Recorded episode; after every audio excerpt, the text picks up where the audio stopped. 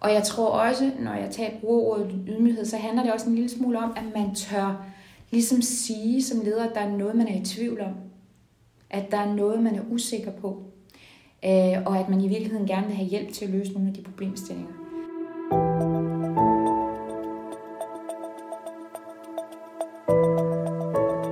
Velkommen til podcasten Erhverv og Samfund, hvor vi taler om alle de vigtigste erhvervstendenser for små og mellemstore virksomheder. Din vært er Malene Kongsted. I dag skal vi tale med Bodil Ismiris, som er administrerende direktør for den faglige organisation Lederne med mere end 135.000 medlemmer. Bodil har en kandidat i statskundskab og startede sin karriere hos Arthur Andersen Business Consulting, som blev overtaget af Deloitte, mens hun arbejdede der. Efter fire år kom Bodil til lederne, hvor hun i dag har været i 19 år. Vi møder hende på hendes kontor på det nordlige Amager, ikke så langt fra Amager Strandpark.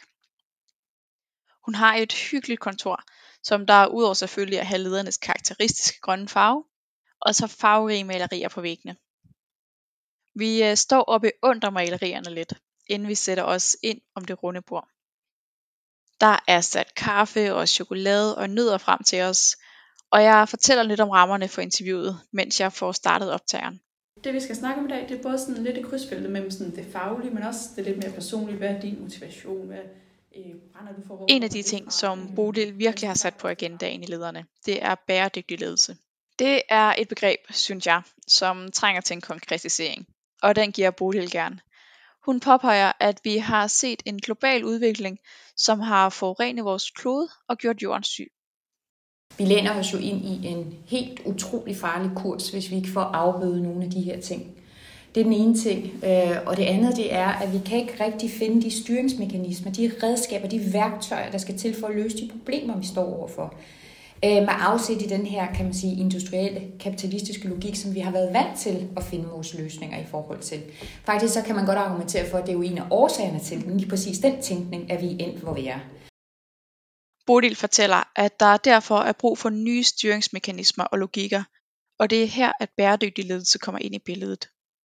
Det er den påvirkning, vi har i forhold til mennesker, i forhold til de organisationer, som vi er en del af, og også det samfund, som virksomhederne jo er en del af. Her kommer Bodil ind på et begreb, som vi lige skal have styr på først, nemlig ESG. ESG står for Environment, miljø, Social, altså som i samfund, og governance, altså ledelse. ESG bliver mere og mere udbredt både i danske og udenlandske virksomheder, og har udviklet sig til at blive et værktøj, som virksomhederne kan bruge til at give et mere nuanceret billede af deres virksomhed. Det betyder, at de her ESG-nøgletal bruges til at kommunikere virksomhedens bæredygtighedsstrategi over for investorer, som anvender nøgletallene til at vurdere, hvor risikabel virksomheden er, og til sammen med de finansielle data at få det fulde overblik over omkostningerne forbundet med at investere i de her virksomheder. Det kan godt lyde ret kompliceret, og som noget kun de store virksomheder beskæftiger sig med. Det var ikke helt sandt længere, da ESG også har en stigende indflydelse på SMV'er, som defineres virksomheder med op til 250 ansatte. De store virksomheder skal nemlig kende hele deres værdikæde, og derfor også alle deres underleverandører. Og her kommer de mindre virksomheder ind i billedet. Så hvis du nu skal samarbejde, lad os sige, med øh, nogen Nordisk, så skal du rent faktisk kunne dokumentere, at du har sådan en øh, plan for, hvordan du kommer fra A til B, altså B for bæredygtighed. Øh, hvis du skal i banken øh, og have adgang til øh, risikovillig kapital, jamen så skal du også kunne dokumentere, hvordan du arbejder med bæredygtighed, hvordan du arbejder med ESG. Du skal kunne dokumentere øh, det her sætter ikke-finansielle nøgletal. Øhm, og det er noget, som man kan sige, vi først har set starten på. Det er den ene del, fortæller Bodil. Den anden er, at der også er kommet skærpede krav til lederen selv. Lederen skal også have fokus på sin egen indre bæredygtighed. Det er en helt ny tænkning, der lægger vægt på dyder og ordentlighed hos lederen selv. Og det er jo fordi, at lige nu står vi over for en masse kriser. Øhm, og, og, og, og det er jo blevet meget tydeligt, at, at, øhm, at det her med at se dem som nogle fordringer, vi skal være med til at løse, jamen det kalder bare på en anden måde at tænke på. Og der kan man sige, at, at, at der er sådan en super værdi lige nu i, i dansk erhvervsliv. Øhm, Og det er det her med ordentlighed. Vi vil jo alle sammen have ordentlighed. Medarbejderne vil have ordentlighed. Forbrugerne vil have ordentlighed. Øhm, samarbejdspartnere, lokalsamfundet. Det er blevet sådan virkelig en super værdi. Men hvordan gør man så? Hvordan kan virksomheder være med til at give tilbage til samfundet? Her kommer vi forbi magtbegrebet, hvor Bodil påpeger, at lederne skal se deres magt som noget, de har magt til. Altså, de har magt til at gøre en forskel, og ikke magt over noget. Lederne skal ikke bare have en vision for deres virksomhed, men også over for det samfund, som virksomheden indgår i. Virksomheder skal kunne se sig selv som en del af noget større, og ikke bare i deres eget lille univers. I dag der har vi så store udfordringer, vi skal løse. At vi simpelthen nødt til at forstå, at virksomheder de opererer ikke bare i sådan en lille isoleret kerne. Også i, også i høj grad i forhold til, at vi er underlagt naturen og ikke omvendt. Og der har vi måske nok haft en tænkning tidligere, hvor vi sådan lidt har taget naturens ressourcer for givet. Og det kan vi jo bare se, med, det kan, det kan vi jo se nu, det kan vi ikke blive ved. Bodil påpeger, at man som leder skal stille sig selv det spørgsmål, at hvem vil jeg være som leder? Hvordan vil jeg bruge min magt? Her har lederne, altså organisationen, sammen med andre organisationer, startet et initiativ, som er meget relevant for de virksomheder, som ønsker at tage et socialt ansvar. Det hedder Lederalliancen og er et initiativ, hvor unge mennesker, som ikke er i gang med en uddannelse og er uden for arbejdsmarkedet, kan prøve kræfter med erhvervslivet. Og Lederalliancen, som du øh, jo har, øh, har, har nævnt, er jo et godt eksempel på det. Fordi det handler jo i virkeligheden om, at man som leder er med til at tage ansvar for, at vi rent faktisk lige nu har 42.000 unge mennesker, øh, som ikke rigtig ved, øh, hvad de skal, skal gøre ved deres liv, eller gøre med, eller ja, de har ikke rigtig nogen plan i virkeligheden, de er strandet. De er ikke øh, i job, og de er heller ikke i gang med en uddannelse. Så hvordan er det, at man som virksomhedsleder kan række ud og hjælpe nogle af dem i gang? Øhm, og det handler jo i høj grad om, at man forstår, at det kan godt være, at man skal investere en lille smule. Men hov, det kan jo faktisk godt være, at det, der kommer ud i den sidste ende, det er nogle meget, meget lojale medarbejdere. Bodil påpeger også, at det giver de her unge mennesker nyt mod på livet. Og de får noget af deres selvtid tilbage igen. De ser, at de kan bidrage med noget. Og det er derfor super vigtigt, at virksomhederne påtager sig det sociale ansvar. Og det, der er helt fantastisk i, i, i det her, det er jo, at der er rigtig meget, øh, der peger retning af, at når, øh, når unge mennesker får en chance ude i erhvervslivet, så kan det faktisk være sådan en genvej til, at de får mod igen på at kaste sig over en uddannelse. Og lige pludselig finder man ud af, hey, der er faktisk noget, jeg godt kan. Der er altid enormt meget snak om de unge. Er de for skrøbelige? Er det overhovedet korrekt, at mange mistrives? Hvilken værdi kan de her unge utilpassede egentlig bidrage med? Jeg spørger derfor Bodil, om hun mener, at vores unge i dag er lidt for skrøbelige. Og her der kommer Bodil med en meget interessant pointe. For nok mener hun, at de unge ikke er skrøbelige, men har de måske lidt for høje forventninger til, hvilken mening med livet, som de skal kunne finde på arbejdspladsen. Lægger de alt for mange af deres æg i samme kurv, og derfor bliver slemt skuffet, når arbejdspladsen faktisk bare er, ja, en arbejdsplads? Øh, jeg synes faktisk, vi har nogle fantastisk dygtige unge mennesker. Og hver gang jeg er i kontakt med de her unge mennesker, så bliver jeg så imponeret over, hvor meget de kan. Det jeg til gengæld tror, der kan være på spil, det er, at de kan have for høje forventninger til, hvad arbejdslivet kan give dem. Øhm, jeg tror det her med, at øh, man ser virksomheder som sådan nogle katedraler, der hvor man øh, finder hele formålet med livet. Øhm, jeg tror måske, det kan være der, vi, vi ser nogle problemer. Ikke? Fordi det er virksomheder ikke. Virksomheder er, øhm, er et sted, hvor man har mulighed for at udvikle sig fagligt, hvor man kan indgå i øh, nogle sociale fællesskaber, hvor man kan dygtiggøre sig, øh, og hvor man også kan danne en masse gode relationer.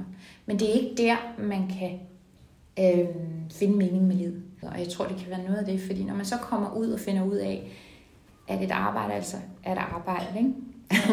så kan det godt være, øh, at det slår lidt hårdere. Gennem tiden er der blevet solgt rigtig mange kommunikationskurser til ledere.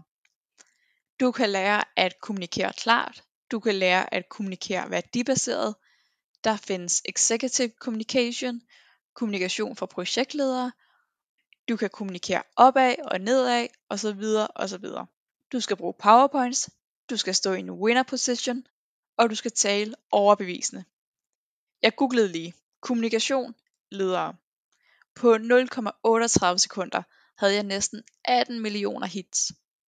Der er nemlig skrevet stolpe op og stolpe ned om lederes kommunikation.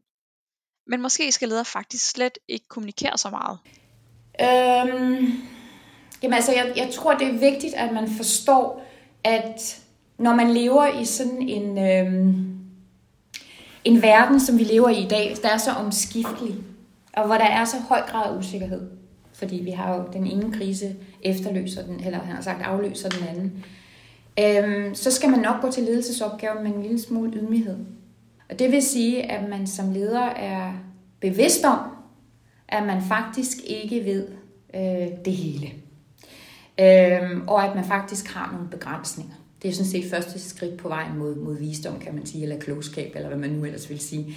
Altså, jeg tror, det er øh, Amy Edmondson, hende der har skrevet Psykologisk Tryghed, som siger, at man kan ikke lære, hvis man allerede ved. Og, og Otto Scharmer, han siger, at øh, det at lytte og det øh, som leder, det er en af de mest oversete kompetencer. Så, så hvis man sådan skal, øh, skal kommunikere rigtig godt med sine medarbejdere, så skal man have en vis ydmyghed. Og i virkeligheden, når du siger kommunikere, måske skal man i virkeligheden lytte. Man skal være nysgerrig, man skal stille en masse spørgsmål. Og på den måde kan man få inddraget øh, sine medarbejdere, øh, og samtidig også øh, Øh, få dem givet en forståelse for, hvad det er for en situation, man står i. Og jeg tror også, når jeg tager brugerordet ydmyghed, så handler det også en lille smule om, at man tør ligesom sige som leder, at der er noget, man er i tvivl om. At der er noget, man er usikker på. Øh, og at man i virkeligheden gerne vil have hjælp til at løse nogle af de problemstillinger. Øhm, og det tror jeg i høj grad øh, er vigtigt, at vi skriver os det bag øret, fordi vi lever altså i en tid, hvor øh, det kan være ret svært for en leder at overskue det hele. Øhm, så det der med at have sådan en lille, en god dosis ydmyghed, ikke at vi skal være sådan en skygge af os selv, ikke at vi sådan skal øh, underkaste os, men vi skal bare forstå det her med, at ledere jo sådan set kun er en lille del af en meget større sammenhæng. Ansvarspilen, den peger jo i sidste ende gerne over på lederen. Også når det nogle gange omhandler ting, som de reelt ikke har indflydelse på. Jeg spørger derfor Bodil om, at godt nok skal ledere stå på mål for mange ting, men er det i virkeligheden for mange ting? Her pointerer Bodil, at man som leder faktisk skal huske at kende sin besøgstid. Og hvis man sidder med en medarbejder, som virkelig ikke har det godt, så skal man ikke hjælpe folk ud af deres problemer, men man skal hjælpe dem til at få hjælp. Øh, man skal kende sin besøgstid øh, i forhold til, hvad ens kompetence er, øh, og hvad for en rolle man spiller. Øhm, og, og der, der må man sige, at mange gange er en leders fornemmeste rolle, hvis man sidder over for et menneske, som er ved at falde sammen øh, mellem hænderne på en, af den ene eller den anden, øh, mellem hænderne på en, øh, af den ene eller den anden grund. Så ens fornemmeste opgave det er jo i virkeligheden at sørge for, at vedkommende bliver bragt videre øh, til øh, en kompetent person, som kan, kan tage hånd om det. Øh, og der skal man kende sin besøgstid.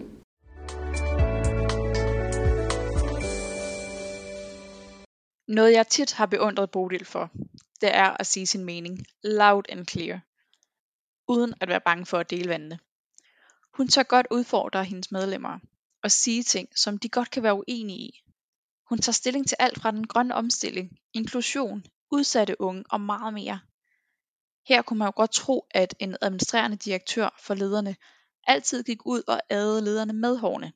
Men som det her interview også tydeligt har vist, så er det ikke Bodil. Jeg er derfor lidt nysgerrig på, om hun altid har haft det mod. Det har jeg nok.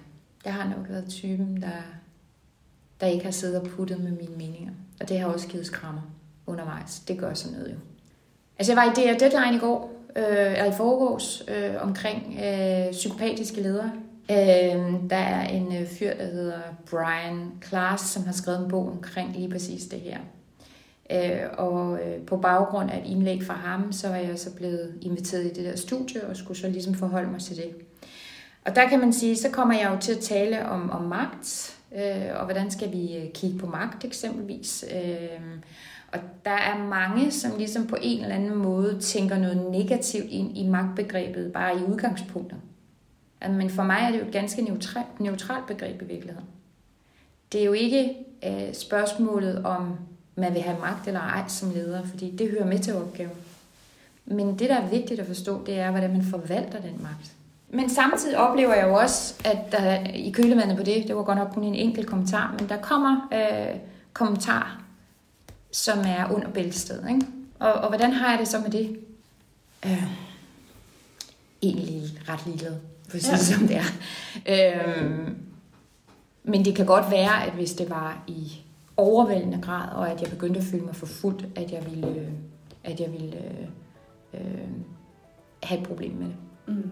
I, det. I det hele taget synes jeg, det er øh, problematisk, ikke? At, øh, at man skal stå for skud, fordi at kvinder taler om magt, eller hvad vi nu ellers gør. Det var Erhverv og Samfund for i dag. Tak fordi du lyttede med.